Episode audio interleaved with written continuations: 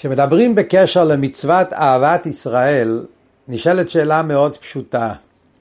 מה בדיוק היא המצווה של אהבת ישראל? האם זה מצווה של רגש? אני אמור לאהוב. הפירוש הפשוט של המילים, ואהבת לך כמוך, לאהוב יהודי. אני מרגיש אהבה ואהבה מיוחדת לכל יהודי. או האם יש למצווה הזאת ביטוי מעשי, ובמה מתבטא המעשה, ההלכות למעשה, בקשר למצוות אהבת ישראל. בדרך כלל כשיהודי בא לקיים מצווה, הוא בודק בספרי הלכה, פותח שולחן ערוך, פותח רמב"ם, פותח ספרי הלכה, שמסבירים לו את המעשים של המצווה, איך מקיימים את המצווה. להניח תפילין, יש הלכות תפילין, לשמור שבת, יש הלכות שבת, כשרות, יש הלכות כשרות, על כל דבר יש לנו ספרי הלכה שמסבירים לנו בפרטיות, במעשים, איך מביאים את המצווה לפועל.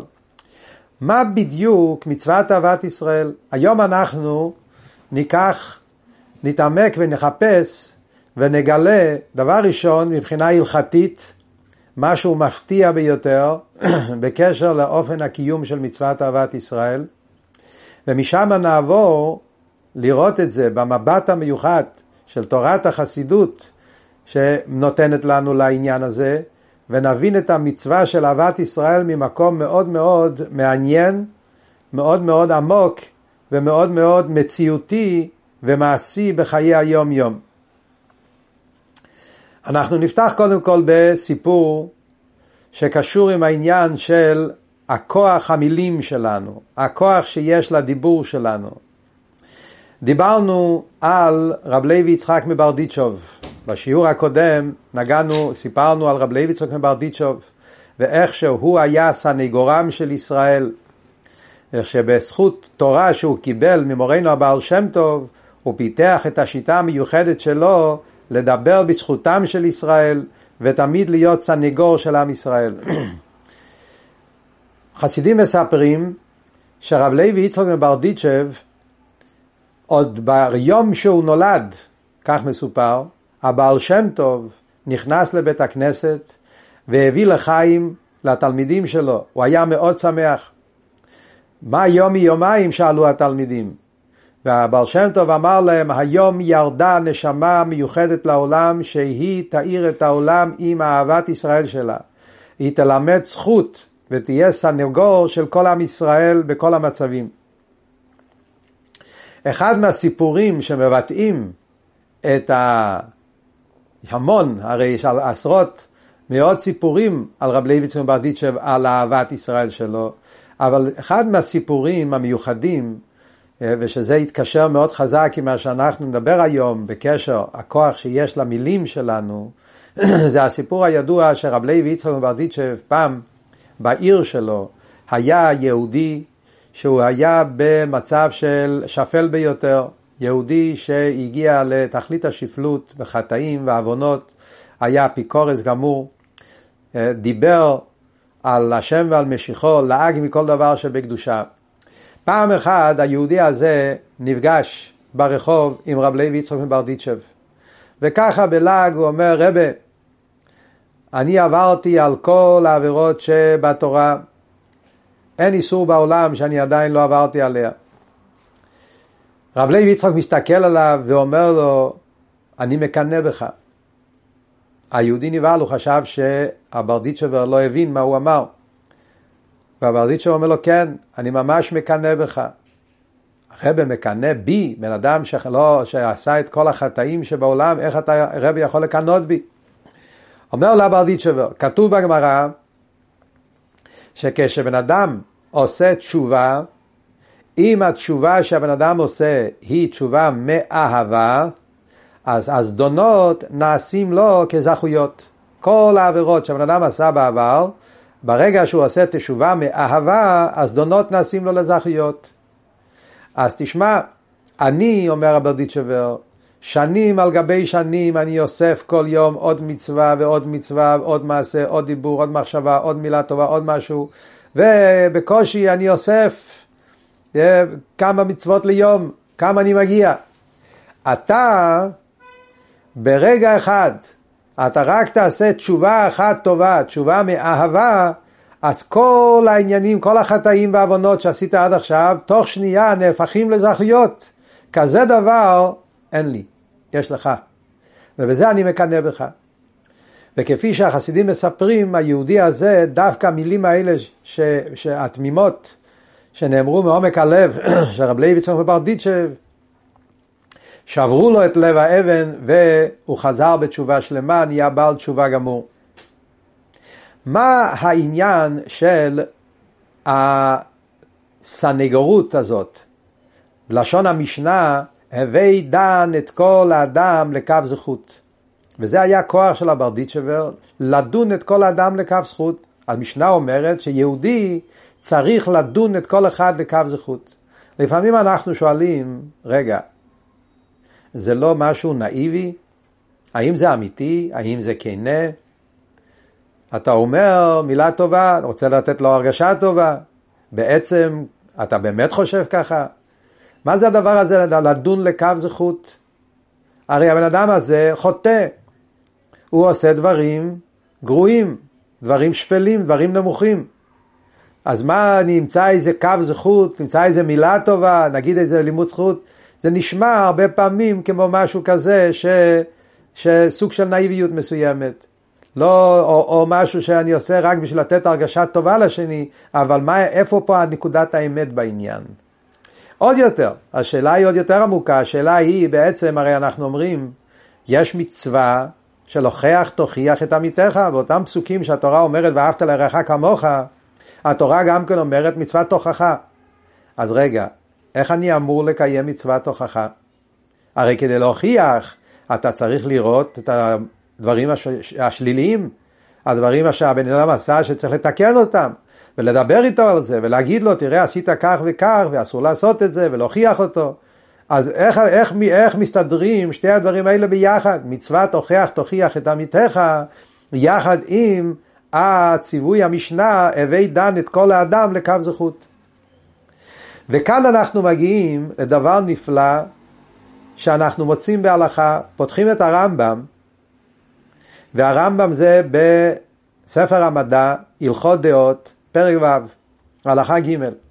זה המקום ברמב"ם בו הוא מביא את המצווה של אהבת ישראל. מסתכלים ברמב"ם, רואים את המילים האלה, אומר הרמב"ם ככה, מצווה לאהוב הכל אדם מישראל, שנאמר, ואהבת לרעך כמוך. מצווה לאהוב כל אדם מישראל כגופו, שנאמר, ואהבת לרעך כמוך. לפיכך, ממשיך הרמב"ם, צריך לספר בשבחו. ככה הוא מתחיל, ואחרי זה הוא ממשיך עוד כמה דברים. כשאנחנו מסתכלים על המילים האלה, נעצרים, רואים פה דבר נפלא ביותר. שאלנו מהם ההלכות של אהבת ישראל, והנה הרמב"ם אומר לנו מילים ברורות. מצווה לאהוב כל אחד מישראל כגופו, ומיד מה הוא אומר לפיכך, במה זה מתבטא, מה הביטוי של זה? לפיכך צריך לספר בשבחו. לדבר בשבחו של היהודי זה קיום מצוות אהבת ישראל. מעניין? עוד יותר מפורט, כותב הרמב"ם קודם, בפרק הקודם, כשהרמב"ם מדבר על התלמיד חכם, שהרמב"ם אומר שחכם צריך להיות ניכר לא רק בחוכמתו, בתורתו, אלא גם כן בהילוכו, במעשיו, במסעו, במתנו, באכילתו. אז בין הדברים הרמב"ם אומר בדיבורו. וגם שמה אומר הרמב"ם. במה רואים את הדיבור, דיבורו של החכם, שבזה הוא שונה בהנהגה שלו, שהוא דן את כל אדם לקו זכות, ולפיכך הוא מספר בשבחו של חברו ולא בגנותו כלל. מה זה הדבר הזה? לספר בשבחו. וזה מצוות אהבת ישראל. זה מעניין, איך אנחנו מקיימים את זה? למה בדבר הזה, זה הדבר הראשון שהרמב"ם מביא בתור מצוות אהבת ישראל. וכאן אנחנו צריכים להגיע למבט המיוחד שהבעל שם טוב גילה לנו והכוח שיש בדיבור. הכוח שיש במילים שבן אדם אחד אומר לשני.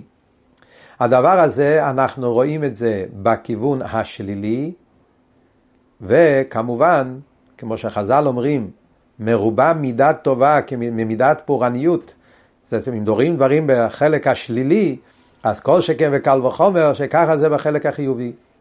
הכוח שיש במילים של האדם בצד השלילי, שזה בעניינים של לשון הרע, רכילות, ומזה אנחנו נלמד בצד החיובי, הכוח שיש לבן אדם במילים שלו כשהוא אומר מילה טובה, מדבר בשבחו של חברו, מה זה פועל בנפש, מה זה עושה. אז יש סיפור שמספרים על הבעל שם טוב. הסיפור הוא שבעיירת מז'יבוש, איפה שהבעל שם טוב היה גר, היו שם כל מיני סוגים של יהודים, גם אנשים פשוטים, כידוע שהבעל שם טוב קירב כל יהודי, ודווקא את האנשים הפשוטים הוא אהב אותם וקירב אותם באופן מיוחד. אז פעם אחת בבית הכנסת, כשהבעל שם טוב היה נוכח, היה שם איזשהו מריבה בין שתי בעלי בתים, שתי יהודים בבית כנסת. ומרוב כעס, יהודי אחד צעק על היהודי השני, והוא אמר לו, אני אקרא אותך כמו דג. כשהבעל שם טוב שמע את המילים האלה, הוא הזדעזע, ואז הוא קרא לתלמידים שלו. ידוע שהבעל שם טוב היה לו כוח מאוד מיוחד, שהיה עושה את זה מפעם לפעם כדי ללמד את התלמידים שלו, לחנך אותם, ללמד אותם. אז היה דרך מיוחדת שהיה לבעל שם טוב. הוא היה שם את היד של, היה מבקש מהתלמידים שיעמדו, כל אחד ישים את היד שלו על, היד, על הכתפיים של השני, ואז הבעל שם טוב הקדוש היה שם את הידיים הקדושות שלו גם כן על שתי התלמידים שעמדו משתי הצדדים, ביקש מהם לסגור את העיניים. ואז התגלה להם מחזה מזעזע ביותר. פתאום הם ראו איך שהאיש האחד קורע את האיש השני כמו דג, הם צעקו צעקה אל פחד. בהלה. ואז הבעל שם טוב הוריד את הידיים הקדושות שלו, והוא אמר, הכוח שיש לדיבור של האדם. כשבן אדם מדבר, הוא יוצר, הוא עושה. הדברים שיש בדיבור של בן אדם, הם מייצרים דברים בעולם. כשבן אדם אומר מילה, אז המילה שהוא אומר באמת עושה משהו בעולם רוחני יותר. וכשיש לנו עיניים קצת יותר עדינות, יכולים לראות את הביטוי המעשי של הדיבור של הבן אדם. וכאן מדובר בן אדם שאמר משהו שלילי, אז המשהו הזה באמת יצר משהו בעולם. מה ההסבר לזה? ההסבר לזה, ההסבר העמוק בזה, על פי תורת החסידות, כי בעצם הרי כל האדם וכל הכוחות שלנו, אז כמו שאיוב אומר בפסוק, מבשרי יחזה אלוקה. האדם וכל המבנה של האדם, הכוחות, האיברים, הרגשות, כל המבנה שלנו, אז מבשרי איך זה לא כזאת אומרת שהאדם נוצר בצלמנו כדמותנו. האדם הוא כמו כביכול הצלם ודמות כביכול של הקדוש ברוך הוא. ובלשון התניא נשתלשלו מהם. כלומר שכל כוחות הנפש וכל הדברים שיש לאדם בעצם זה סוג של שרשרת, השתלשלות מה, מהספירות העליונות כביכול מהקדוש ברוך הוא. אז כמו שאנחנו מדברים על כוח הדיבור, אז הרי כוח הדיבור, כשמדברים כביכול למעלה אצל הקדוש ברוך הוא, אז עשרה מאמרות נברא העולם. העולם נברא על ידי כוח הדיבור. כמובן שכשמדברים למעלה צריכים להוציא את החומריות והגשמיות, לא שייך להגיד דיבור גשמי, אבל התוכן, התורה קוראת לאופן איך שהקדוש ברוך הוא ברא את העולם דיבור. ויאמר אלוקים יהי אור ויהי אור. ויאמר אלוקים יהי רקיע יהי רקיע. הקדוש ברוך הוא דרך האמירה שלו יצר, ברא, עשה עולם שלם, נבראים. מכיוון שהיהודי הוא נברא בצלם ודמות של הקדוש ברוך הוא, אז הדיבור שלנו, יש לנו כוח לייצר. הדיבור שלנו גם כן בורא, יוצר, עושה דברים, הדברים קורים בעולם. וזה, הכוח הזה, בעצם מה שהבר שם טוב אומר, יש לזה מקור גם כן בדברי המדרש. יש מדרש, רבה, פרשת אמור, על המילים אמור, פרשת אמור. אז אומר המדרש, אמרות השם אמרות טהורות, מדבר על האמירה של הקדוש ברוך הוא. והוא מביא שמה שהאמירה של הקדוש ברוך הוא היא אמירה טהורה שעושה טהרה. ויהודי צריך ללמוד מהקדוש ברוך הוא גם כן שהאמירה שלו תהיה אמירה טהורה ובהמשך שם המדרש נכנס לכל הנושא של לשון הרע ורכילות שיהודי צריך לדעת שהדיבור שלו צריך ללמוד מהקדוש ברוך הוא שהדיבור שלה יהיה דיבור טהור ולא חס ושלום דיבור לא טהור אז משם אנחנו מבינים שיש את הכוח המיוחד בדיבור של האדם בעניין הזה אנחנו מבינים גם כן, על פי זה אנחנו יכולים להבין גם מה שהגמרא אומרת במסכת ערכין.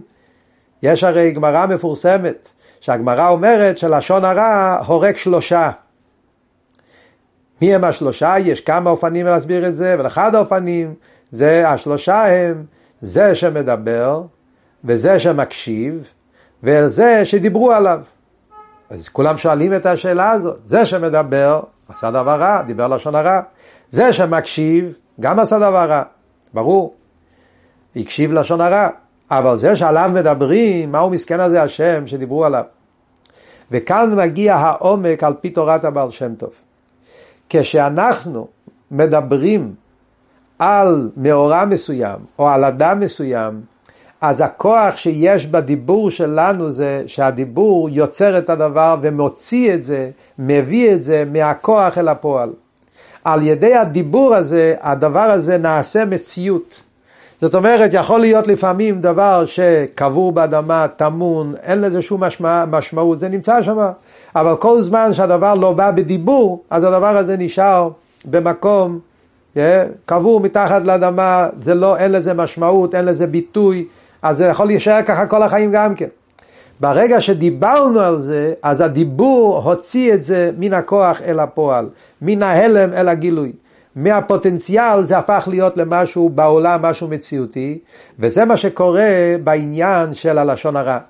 כשאתה מדבר משהו רע לזולת, אז הרע הזה, שיכול להיות שעד עכשיו הרע הזה היה קבור אצלו, טמון אצלו, ולא היה לזה שום ביטוי מעשי.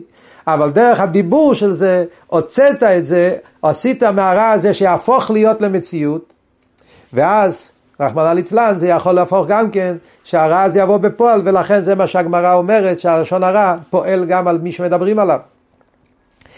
אמרנו, מידה טובה מרובה ממידה פורענות. זה מדובר על הדיבור בצד השלילי. אז בואו ניקח את הנקודה הזאת, ועל פי זה אנחנו נבין בעומק נפלא את דברי חכמינו בפרקי אבות ודברי הרמב"ם במצוות אהבת ישראל.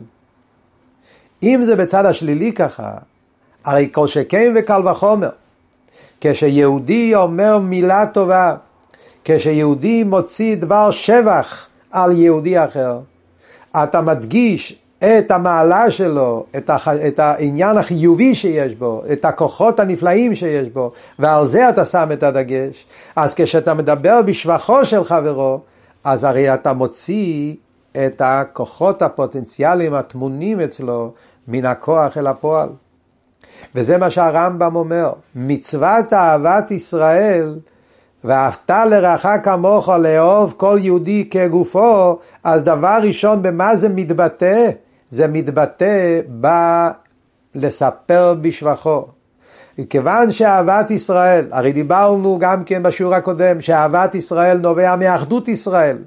אהבת ישראל נובע מהמקום ששם מתגלה הפנימיות של היהודי, שהיהודי הוא חלק אלוקה ממעל ממש. ברגע שאתה מסתכל על יהודי מהמקום הפנימיות שלו, ואת זה אתה מגלה החוצה, אז מתגלה היופי, הכוחות, האוצרות, הדברים הכי נפלאים. וזה מה שהבעל שם טוב גילה לנו. הבעל שם טוב הרי אומר, אחד מתורות הבעל שם טוב, על הפסוק כי תהיו לי אתם ארץ חפץ, אמר השם צבאות. אומר הבעל שם טוב. כנסת ישראל נקראים ארץ חפץ. הקדוש ברוך הוא אומר, עם ישראל הם הארץ חפץ שלי. מה זה ארץ חפץ? האדמה. האדמה, כלפי חוץ רואים אדמה, עפר, אבנים, אבל מתחת לאדמה, בעמקי האדמה, נמצאים הרי האוצרות הכי הכי נפלאים. מתחת לאדמה יש מעיינות, יש מינרלים, יש דברים, יש זהב, יש, יש דברים, אוצרות, שעדיין לא גמרו לגלות את כל האוצרות שיש באדמה, האוצרות הכי יקרים טמונים באדמה. הכל היה מן העפר, כמו שהחכמים אומרים. כל יהודי הוא ארץ חפץ של הקדוש ברוך הוא, אומר הבעל שם טוב. אצל כל יהודי טמון בנפש שלו, בכוחות הפנימיים שלו, טמונים כוחות נפלאים של חוכמה, של מידות טובות, של הנהגות, של יושר, של מידות, דברים נפלאים שקשורים עם המהות של יהודי, שהוא חלק אלוקם ממעל ממש, אוצרות אינסופיים. איך אנחנו מוציאים את זה החוצה? מגיע הרמב"ם ואומר, על כן צריך לספר בשבחו. כשאתה מדבר מילה טובה על יהודי, אתה מדבר על המעלות שלו, אתה מדבר על הטוב שלו, אז אתה מוציא את הטוב שלו מן ההלם אל הגילוי. ולפי זה, מה העומק של דברי חכמינו, וידן את כל אדם לקו זכות? מה כאן היופי של הדברים האלה? מה העומק של דברי חכמינו? והווי דן את כל האדם לקו זכות, זה לא רק לתת לו הרגשה טובה, להגיד לו מילה טובה. או כמו שאמרנו, משהו נאיבי, לרמות את עצמנו ולא לראות את הרע, לראות את הטוב, כאילו שהכל בסדר. להפך, זה התוכחה הכי נפלאה והכי עמוקה, הכוח, איך אני מוכיח את הזולת, יכול להיות בשתי דבר אופנים.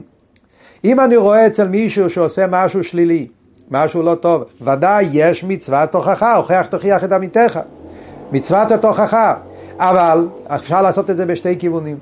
אני יכול להצביע על הרע ולהגיד לו, אה, אתה עשית משהו לא טוב, ולהסביר לו עד כמה דבר שהוא עשה זה שלילי, ולנסות לשכנע אותו איך לתקן את דרכיו. אז על מה אני הצבעתי על הרע? ועל מה אני דיברתי על הרע? מה עשיתי? אני רק אני לקחתי את הרע שהיה אצלו ועוד יותר הוצאתי את זה. עשיתי מזה עסק, דיברתי על זה, בניתי את זה, עשיתי מזה משהו גדול. אז להפך, אז הרע הופך להיות משהו יותר מציאותי, יותר ממשי. האופן השני זה אבידן את כל אדם לקו זכות. לראות את הקו זכות, לראות את הצד החיובי, לראות את הטוב שיש אצל יהודי. בואו ניקח את זה בעניין של מדברים פה, אחד מהדוגמאות, אה, בנוסף לסיפור שסיפרנו מהברדיצ'בר, איך שהוא אמר לו שבכוח התשובה יש לו את היכולת להפוך את כל הזדונות שלו לזכויות, ניקח את זה במבט קצת יותר מעמיק, זה אומר, הרי כשאנחנו רואים יהודי שנכשל או שנפל בעניינים של חטאים ועוונות, הרי כל דבר שקורה אצל בן אדם, זה איך שנקרא, בתורה קוראת לזה, זה ניסיון. הקדוש ברוך הוא שם את האדם בניסיון. היצר והתאוות של היצר, זה הרי הניסיונות שכל בן אדם נמצא בהם. כל אחד מאיתנו, במידה כזאת או אחרת, יש לנו ניסיונות בחיים. זה כל פיתויי היצר שיש לנו מול העיניים. יש אנשים שיש להם ניסיונות יותר קשים ויותר קשים. במה זה תלוי? אז מוסבר בתורת החסידות. הקדוש ברוך הוא לא נותן לבן אדם ניסיונות כדי להכשיל אותו חס ושלום. להפך, הקדוש ברוך הוא נותן לאדם ניסיון כדי לרומם אותו.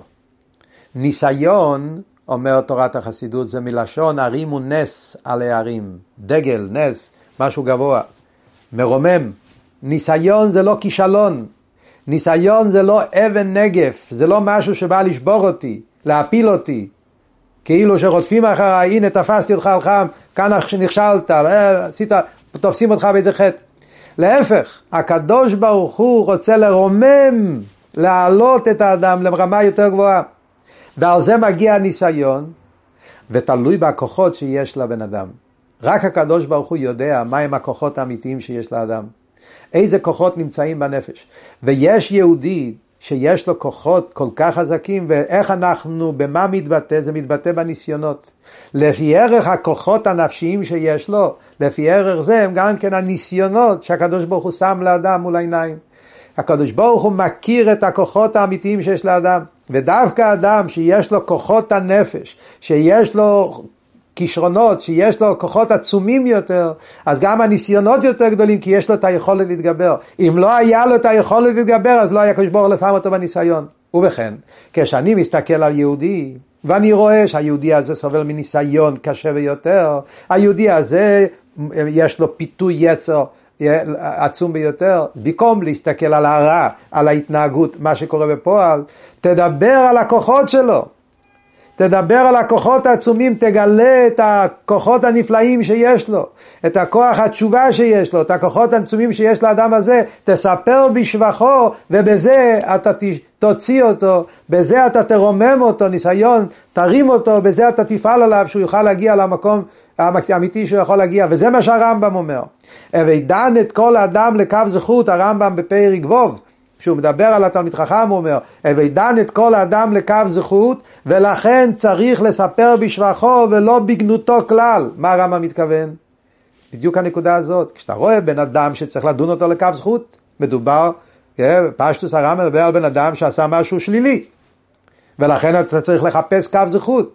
אז זה לא שאתה משקר לו לעצמך, אלא כדי לעזור ליהודי, לעזור לו להתרומם, לעזור לו להתגבר על, על, על הקשיים והניסיונות שיש לו, אז ולספר בשבחו ולא בגנותו כלל, ברגע שאתה שם לב לאיזה תעצומות נפש היהודי הזה נדרש, והכוחות המיוחדים שהקדוש ברוך הוא נתן ליהודי הזה, אז זה עצמו נותן לך את הכוחות לראות רק את הטוב שבו. אז הרע מתבטל, אתה כבר לא יכול לראות את הרע, אז אתה רואה רק טוב, אז זה לא שקר, זה האמת. אז אתה רואה את היופי, את הטוב, את היוקר, את הארץ חפץ, החלק הזה העמוק והנפלא, פתאום אתה מסתכל על היהודי הזה, אז המשקפיים שלך משתנים, אתה מסתכל עליו בראייה אחרת לגמרי. הרב רב שבתאי סלבוטיצקי, השליח של הרבה בבלגיה, אנטוורפן, אז הוא מספר, יש לו סיפור שהוא מספר הרבה פעמים את הסיפור הזה, שיהודי שהיה לו קשר איתו, שהוא היה, התקרב ליהדות, התחיל לקיים מצוות, ללמוד תורה, והתחיל ככה להתקדם יותר ויותר, ועד שבשלב מסוים הוא גילה להשליח את הסוד שלו, שיש לו עניין מסוים, איזשהו חטא מאוד חמור שהוא לא יכול להתפטר מזה. הוא היה קשור עם אישה נוכריה, והוא לא יכל לומר לי, זה ניסיון שאני לא יכול לעמוד בה. כבר הייתי אצל רבנים, כבר הייתי אצל חכמים, כבר הייתי אצל כל מיני גדולי ישראל, ניסיתי כבר, כולם ניסו לשכנע אותי, להסביר לי עד כמה זה חמור, זה משהו יותר קשה ממני. ואז הוא הציע לו לנסוע לרבה. וכפי שהוא מספר, הרבה אמר לאותו יהודי, כשהוא הגיע אליו, כשהוא עבר, אז הרבה התבטא ואמר לו, אני מקנא בך. והיהודי הזה כן התבלבל, שהרבי יגיד אני מקנא בך. ואז הרבי הסביר לו את הנקודה הזאת, שהניסיונות שהקדוש ברוך הוא מציב לאדם, הם באים לרומם את האדם, לגלות את הפוטנציאל העצום שנמצא אצלו. וכמה שהניסיון הוא יותר גדול, זאת אומרת שהקדוש ברוך הוא נותן לך אפשרות להתעלות, להתרומם לדרגה יותר גבוהה. אז הניסיון הזה זה, זה משהו מיוחד שהיהודי הזה קיבל, זאת אומרת שיש לך כוחות כל כך מיוחדים, שרק אתה יכול להתגבר עליהם. אני לא זכיתי לכזה ניסיון. אתה קיבלת את זה כי הקדוש ברוך הוא מאמין בך, ויודע שיש לך כוחות מיוחדים שאתה תוכל באמת להגיע ל... וכשאתה תעמוד בניסיון הזה, אתה תוכל להגיע לרוממות האמיתית, לגלות את הפוטנציאל האמיתי שלך. ודווקא המילים האלה, זה מה שפעל אצל אותו יהודי, שהוא הוא, הוא, הוא נשבר אצלו, הקליפה הזאת, הכוח הזה, המשיכה הזאת, ואז הוא באמת החליט, והוא הצליח להשתחרר ולהיות בעל תשובה גמור. אז זה מה שאנחנו צריכים ללמוד, זה המצווה המעשית של אהבת ישראל. ברור, אהבת ישראל יש לזה הרבה ביטויים במעשים, חוץ מהאהבה, רגש של אהבה. אז ודאי שמצוות אהבת ישראל מתבטאת בהרבה דברים. הרמב"ם כותב גם כן בהלכות אבל, שהביקור חולים, לשמח חתן וכלה, להבדיל חס ושלום חיים לחיים כשמדובר על אבילות, לוויה לוויית המת, זה הכל ביטויים של מצוות ואהבת לרעך כמוך. הרמב"ם אומר, תקנת חכמים זה שיהודי חייב לעשות כל הדברים האלה, וזה הכל נובע מהמצווה שאהבת לרעך כמוך, אבל זה דברים מסוימים שקורים ברגעים מסוימים של החיים, אה, לטובה וחס ושלום, שלא לא נדע מדברים לא טובים. אבל יש לנו פה, ברמב"ם הזה שדיברנו היום, אפשרות מעשית איך יהודי פועל את אהבת ישראל ביום יום על ידי זה שאנחנו נרגיל את עצמנו לראות את הטוב, להסתכל על החיובי ואת זה להוציא, על זה לדבר. כשאנחנו מדברים על יהודים ומדברים על, על, על, על מצבים מסוימים, לדבר, להדגיש את החלק החיובי, להוציא את המעלה, לדבר על הטוב שבו, ואת הכוח הזה להוציא מהלם אל הגילוי, אז אנחנו יכולים להפוך את המציאות של האדם, לגלות אצלו את האוצרות הכי נפלאים שיש לו, וזה בעצם העומק של אהבת ישראל. פעם יהודי אחד סיפר יהודי שהוא היה ילד, גדל בברוקלין, ואבא שלו נפטר בגיל צעיר, הוא היה יתום, היה ילד מאוד מאוד שובב, הבית ספר סבלו ממנו, היה נזרק מהבית ספר כל יום, מהחיידר, היה לו ממש משהו, היה ילד מאוד מאוד מופרע, מאוד שובב. אימא שלו מסכנה לא יכלה יותר. בשלב מסוים היה להם קשר עם הרבי מלובביץ', והאימא ביקשה שהיא רוצה להתייעץ עם הרבי מה לעשות. כבר לא הגיע מים עד נפש, היא לא יכלה יותר. היא באה יחד עם הילד שלה וסיפרה לרבה כל מה שהולך. מה המורים אומרים, מה המחנכים, מה המנהל, והבית ספר הזה לבית ספר הזה, ושזה לא יכולה, ובבית, כל ההשתוללויות, והילד עומד שם ומקשיב. והיא מספרת כל הדברים שהילד עולל ועושה, והילד בצד עומד. הילד עצמו סיפר את זה אחרי הרבה שנים. הוא מספר שהוא עומד שם ומקשיב כל, כל, כל הדברים. ואז אחרי שהאימא גומרת לספר והרבא מקשיב בתשומת לב, הוא היה מוכן, הוא, מה, טוב, הוא רגיל, שם צועקים עליו, מוכיחים אותו, אומרים לו, נו, אני כבר יודע, היה חוצפן, מה הרבא יגיד לי? ואז הרבא פונה אליו, והרבא אומר לו, מה אתה אומר על כל מה שאימא שלך אומרת? זה אמת? אז הוא אומר, כן, אמת. כל מילה. הרבה עם חיוך גדול, הרבה פונה לאימא ואומר, אמת, את רואה מה זה? הוא ילד אמיתי, הוא לא משקר. הוא ילד שמדבר אמת. הילד הזה, יהיה לך ממנו הרבה הרבה נחת. המילים האלה של הרבה, הם עשו מהפכה בלב של הנער. הוא סיפר את זה שנים אחר כך הוא סיפר את הסיפור שהמילים האלה הפכו אצלו את הלב. הרבה לא התייחס מילה לשליליות, להתנהגות, להנהגה הפרועה, לחוצפה. הדבר היחיד שהרבה ראה, ילד שדובר אמת. דיבר בשבחו, הוציא את הכוח שלו, את המעלה המיוחדת שיש לו, ילד של אמת, ועם זה הרב הפך אותו, הוא שינה אותו מן הקצה לקצה. ואת זה אנחנו צריכים ללמוד מה... מצווה של אהבת ישראל, איך אנחנו מיישמים את זה בחיי היום-יום. בשגוחי פרוטיס מדברים פה על הנושא הזה של אהבת ישראל והכוח של המילים שלנו, אז זה בעצם קשור מאוד מאוד חזק עם מה שאנחנו קוראים בדיוק בפרשיות השבוע בזמן האחרון, גם בפרשת בעלותך, בחוץ לארץ קוראים פרשת בעלותך, בארץ ישראל קוראים פרשת שלח, שתי הפרשיות, גם בסוף פרשת בעלותך מדברים על הדיבור של מרים ואיך שהדיבור, מה שפעל אז אצל, אצל בני ישראל, ואחרי זה על הדיבור של המרגלים בדיבת הארץ, מה שהם עשו על ידי זה, ומשם אנחנו רואים את הצד החיובי דווקא, כשמדברים בשבחם של ישראל, כמו קולב ויהושע, שהם להפך, דיברו בשבח ארץ ישראל, על ידי זה אז הגיעו לכל השבחים וכל הדברים הנפלאים. אז בואו ניקח את המסר אה, אל החיים שלנו, בחיי היום-יום, לחפש את שבחו של חברו, ובשולי הדברים במובן צריך להוסיף